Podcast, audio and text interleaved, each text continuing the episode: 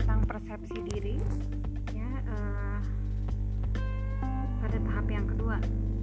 Kita sudah membahas tentang adanya average principle kemudian ada inputting meaning yang di dalamnya tidak hanya meaning trait tapi juga konteks. Jadi ada pertimbangan konteks. Kemudian kita uh, melangkah pada skema.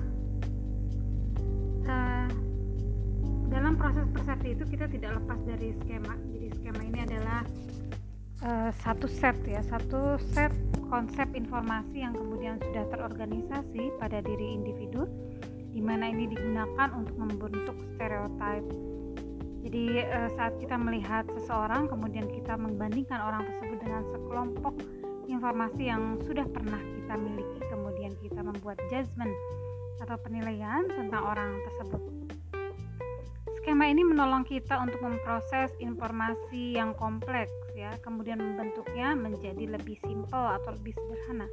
Di mana skema itu bisa menolong kita untuk mengingat kembali beberapa detail, beberapa organisasi detail, kemudian mempercepat prosesnya yang terjadi di dalam pikiran. Kemudian kita e, mengisi beberapa gap yang tidak kita ketahui. Misalnya saja, ada informasi yang belum kita miliki tapi kemudian kita bisa membypass dengan mempergunakan beberapa skema yang sudah kita miliki. Misalnya oh dia uh, dia adalah seorang dokter gaya uh, gaya berjalannya seperti ini. Kemudian kita membypass dengan uh, mengumpulkan atau menggali kembali informasi-informasi yang berkaitan dengan dokter role atau peran dokter. Kemudian kita mengambil salah satu sifat yang mungkin ada di dokter tersebut meskipun sebenarnya belum tentu ada di dokter tersebut. Itu yang kita gunakan atau kita menggunakan skema untuk melengkapi data-data yang tidak lengkap seperti itu. Kemudian kita dapat memfokuskannya pada beberapa orang ya ada pada sebagian orang. Misalnya contohnya adalah misalkan kita oh eh, sosoknya seperti seorang tokoh. Misalnya eh, contohnya ada seorang public figure yang memiliki sifat-sifat yang mirip. Kita kemudian menganalogikan ada sifat yang mirip dengan dia begitu ya. Sehingga di sini pada saat kita membahas tentang skema maka kita akan menemukan skema for a culture person. Itu culture person itu terdiri dari misalnya kita punya gambaran nih seseorang tentang orang-orang seseorang gitu ya tentang beberapa sering dia mengikuti budaya atau mengikuti tren yang ada di masyarakat. Maka kita akan membaginya atau membaginya ke dalam dua hal. Yang pertama adalah sophisticate, yang kedua adalah pattern of the arts. Misalnya saja, oh dia sering kali jalan-jalan gitu ya. Kemudian uh, dia ternyata cenderung menggunakan beberapa uh, cenderung datang ya di uh, pertunjukan orkestra misalnya. Itu kemudian kita kelompokkan membentuk ide-ide tentang culture person, individu yang berbudaya. Nah, ini berbeda dengan stereotype. Stereotype itu sudah membentuk belief atau sudah membentuk keyakinan. Jadi pada stereotype kita membahasnya sebagai belief about typical characteristic of the member, group of social category. Jadi sebenarnya kan kita sudah membentuk keyakinan bahwa orang ini karakteristiknya seperti ini, maka dia adalah anggota dari kelompok X. Nah ini sangat berkaitan contohnya saat kita membahas tentang misalkan wanita bercadar gitu ya kemudian kita sebenarnya sudah punya keyakinan bahwa wanita bercadar itu biasanya termasuk dalam kelompok kelompok jemaah Islamnya DI kemudian kita langsung aja membypass. Kemudian lebih parah lagi biasanya keyakinan ini kemudian menandai beberapa karakteristik penilaian yang negatif tentang diri individu. Kemudian apa perbedaannya dengan prototype jadi sebenarnya prototype dan stereotype ini nanti mewarnai persepsi karena di proses persepsi ini ada yang dinamakan proses evaluasi atau proses penilaian. Di membahas skema for a particular type of person or situation. Jadi kadang-kadang kalau stereotype itu sudah berbentuk keyakinan maka prototype itu lebih ke arah skema tipe orang dan situasi yang mereka hadapi. Misalnya contohnya di sini.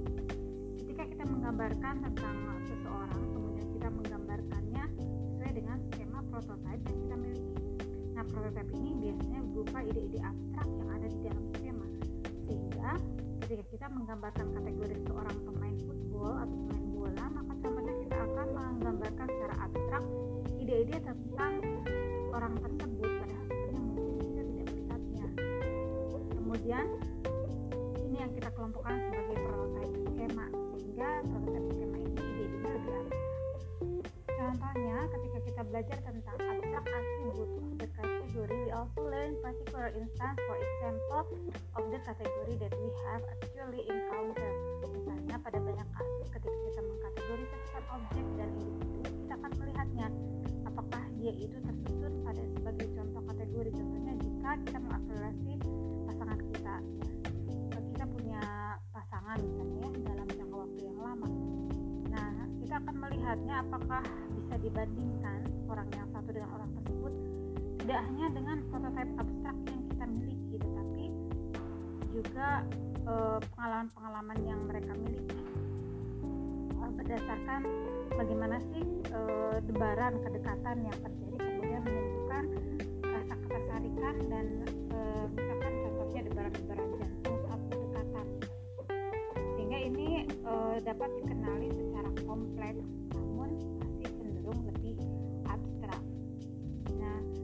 biasanya kita lakukan apabila kita memiliki sangat sedikit informasi. Misalnya e, apa sih tipe polisi itu seperti apa? Kemudian ketika kita memiliki informasi yang sangat sedikit maka kita mengumpulkan informasi yang sangat sedikit itu untuk melakukan kategori. Kemudian kategori itu kemudian e, menjadi cenderung penting buat kita padahal sebenarnya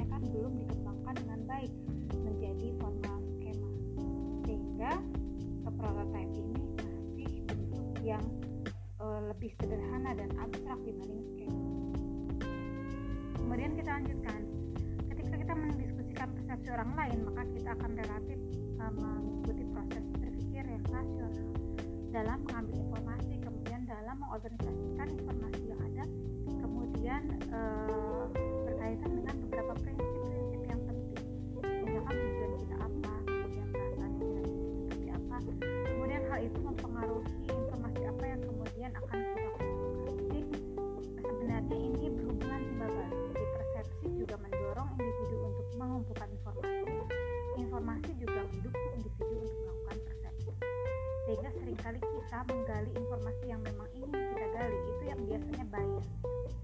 gini. Uh, kita bertemu dengan seseorang. Kita butuh seseorang itu kaitannya dengan bagaimana sih sebenarnya kebiasaan mereka melakukan uh, perilaku jual beli atau konsumsi konsumsi ya konsumsi untuk barang-barang tertentu maka kita hanya menggali bagaimana kebiasaan dia berkonsumsi kesukaan dia beli apa satu kita menggali hal-hal lain. Dan ini juga kaitannya dengan motivate person perception jadi kadang-kadang kita mempersepsikan orang itu pada hal-hal yang kita dan kebutuhan kita. Sehingga ketika kita menemukan seseorang yang tidak memenuhi tujuan kita tidak memenuhi kebutuhan kita maka persepsi kita akan lain atau persepsi kita akan berbeda. Kita lanjutkan dengan goal. Nah ada satu faktor yang kemudian berpengaruh pada bagaimana kita mengumpulkan informasi. Salah satunya adalah tujuan. Tujuan apa yang kita miliki saat kita berinteraksi dengan mereka? Nah biasanya psikolog itu mempelajari tujuannya akibatnya pada persepsi individu. Kemudian eh, bentuk-bentuk uh, seperti itu kita manipulasi dengan sebuah eksperimental. Misalnya anda sering melihat ya di Facebook uh, bagaimana stereotip tentang uh, orang muslim ya muslim yang ada di barat setelah bom atau setelah kasus WTC kita memasangkan eksperimen dengan uh, orang pakai baju gamis ini laki-laki atau perempuan atau orang tersebut pakai kerudung atau pakai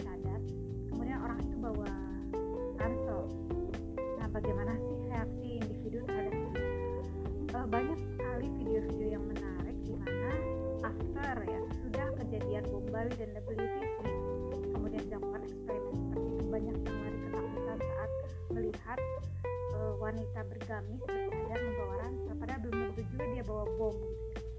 Sehingga kita akan lihat bahwa percobaan-percobaan atau eksperimen-eksperimen dalam psikologi sosial kaitan dengan persepsi ini sangat banyak dan bentuknya sangat menarik. Salah satunya adalah yang perlu kita pertimbangkan adalah uh, goals atau tujuannya. Di mana pada saat kita menggali tujuan seseorang maka kita akan mengantisipasi sebenarnya nanti akan e, ada tujuan-tujuan sosial yang kemudian terbentuk tentang orang tersebut. Nah ada beberapa riset yang memperlihatkan bahwa orang akan cenderung mengingat dan mengorganisasi lebih baik apabila mereka mengharapkan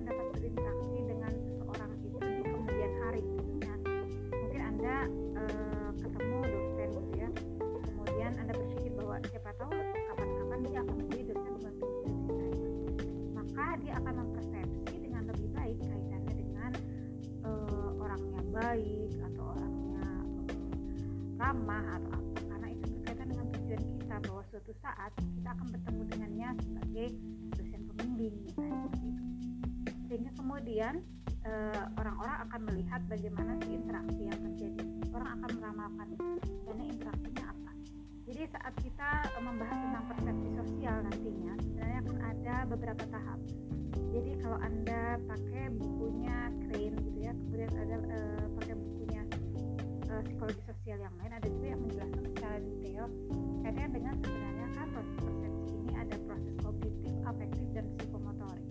Proses kognitif itu adalah informasi yang kemudian dikumpulkan dan diproses gitu ya. Kemudian yang afektif itu ada perasaan yang mengikuti kemudian ada uh, behavior perilaku yang kemudian muncul. Nah uh, yang berperan penting adalah selain selain kognitif tadi ada skema tapi juga ada afektif. Afektif ini adalah pemilihan positif dan negatif. Jadi seseorang yang sudah memiliki persepsi positif atau negatif berkaitan dengan tujuan maka dia akan mengumpulkan informasi yang lebih baik lebih akurat dan lebih detail. Berbeda dengan yang berpersepsi negatif kemudian perilakunya akan mengarahkan pada perilaku-perilaku yang cenderung mendekat atau menjauh dari subjek. Jadi sebenarnya kan ada e,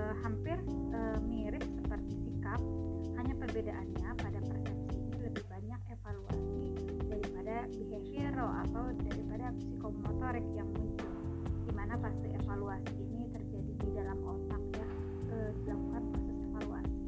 Nah goals ini sebenarnya kan berkaitan dengan proses evaluasi atau proses penilaian. Jadi e, di persepsi sudah ada variabel afektif yang digunakan untuk melakukan evaluasi.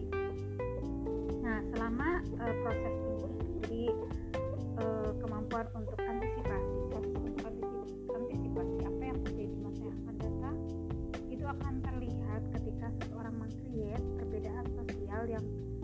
perbedaan tujuan sosial yang kemudian muncul dari percobaan-percobaan sederhana tentang bagaimana seseorang belajar tentang orang lain.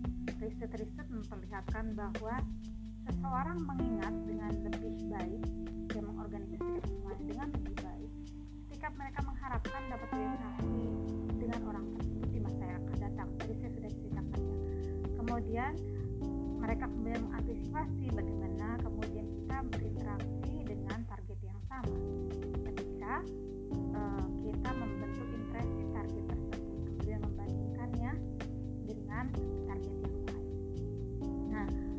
proses perception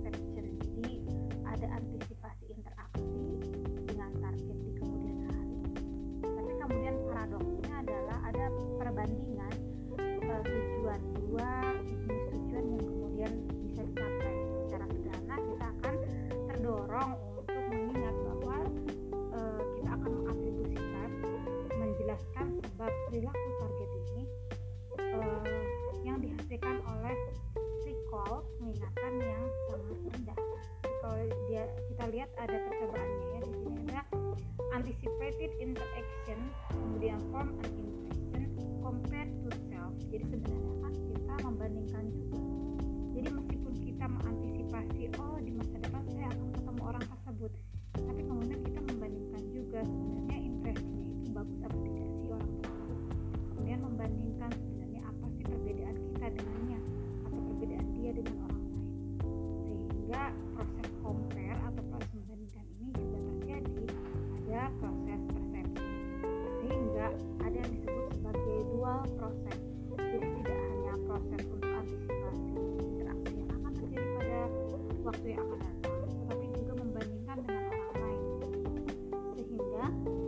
sehingga dua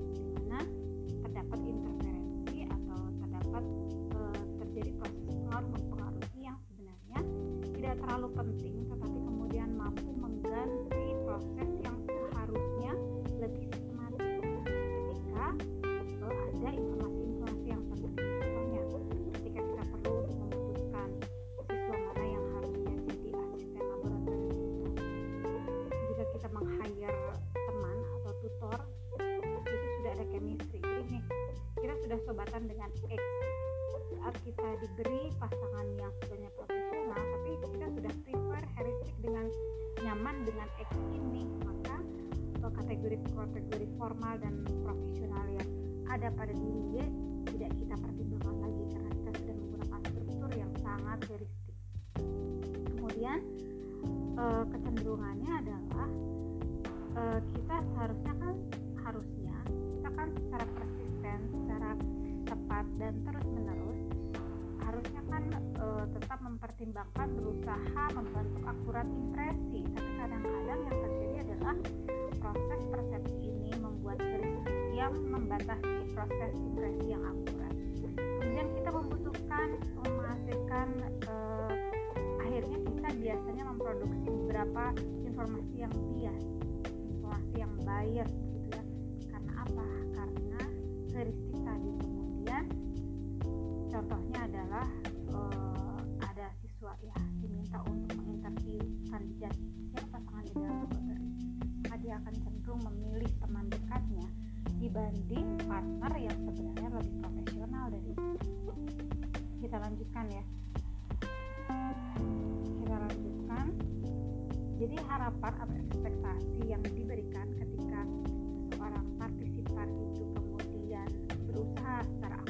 akurat membentuk impresi yang positif, aktif, under meaning itu kemudian e, lebih ekstensif dan berusaha untuk menghilangkan bias maka tujuannya lebih akurat sehingga proses informasinya lebih spesifik. Jadi memang persepsi ini harus dipertajam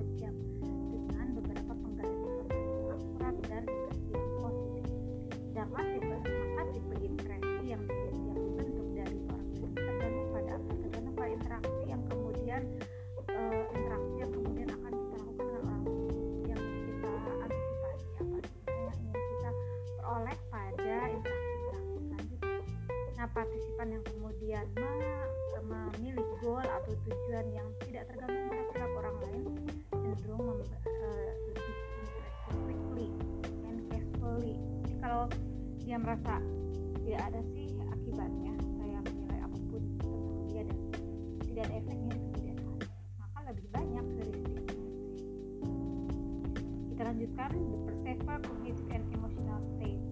Jadi saya sudah menggarisbawahi bahwa sebenarnya pada proses persepsi itu terdapat uh, aspek afektif ya di mana di sini diulang dalam emotional state. Jadi konsentrasi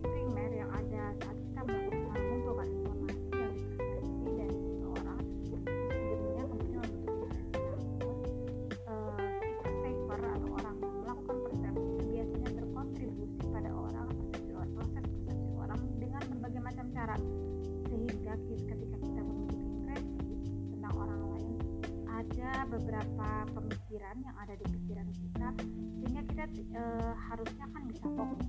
Jadi kita harus bisa memfokuskan perhatian pada perilaku orang lain yang sebenarnya terpengaruh juga e, seperti apa dia sehingga impresi ini berpengaruh saat kita melakukan persepsi.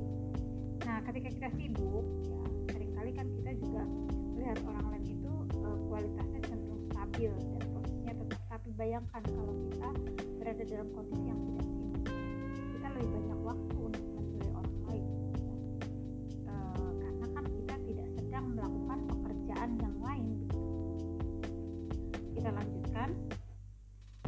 Di sini not everyone moves from the observer. Jadi ada beberapa eksperimen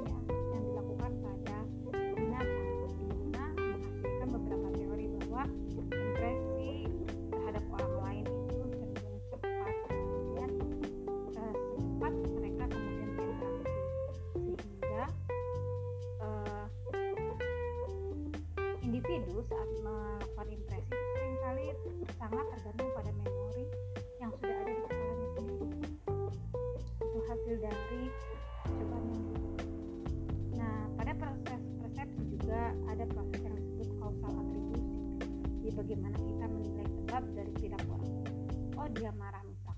Atribusi uh, dia marah apa sih sebabnya dia marah? Apakah disebabkan oleh diri kita? Apakah disebabkan oleh orang lain? Nah atribusi teori itu adalah prinsip yang menentukan sebenarnya apa sih sebab yang terjadi uh, sehingga individu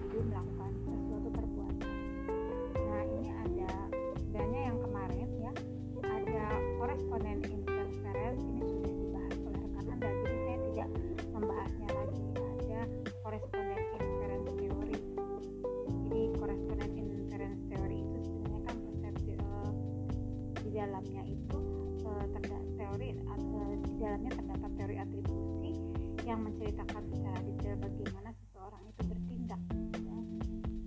uh, apa sih hal-hal uh, yang berhubungan prosesnya seperti apa tapi juga ada situational atribusi jadi sebab dari situasi di sebab dari perilaku itu dikatakan karena pengaruh situasi bukan karena perilaku orang kemudian ada dispositional atribusi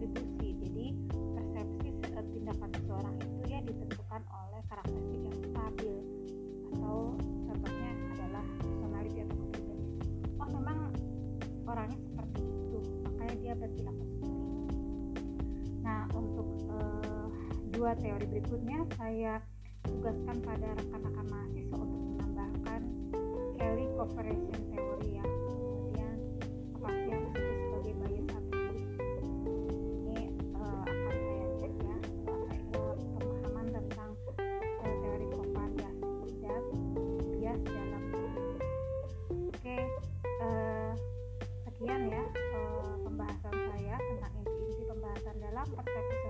persepsi individu jadi rekan-rekan mahasiswa untuk kelompoknya selain saya tambahan dari anda untuk membedakan antara persepsi individual dengan persepsi sosial tapi kemudian anda menambahkan satu teori tentang Kelly covariation teori kemudian bias in the attribution process bias dalam proses atribusi jadi dua hal itu rekan-rekan mahasiswa silakan anda tambahkan pada makalah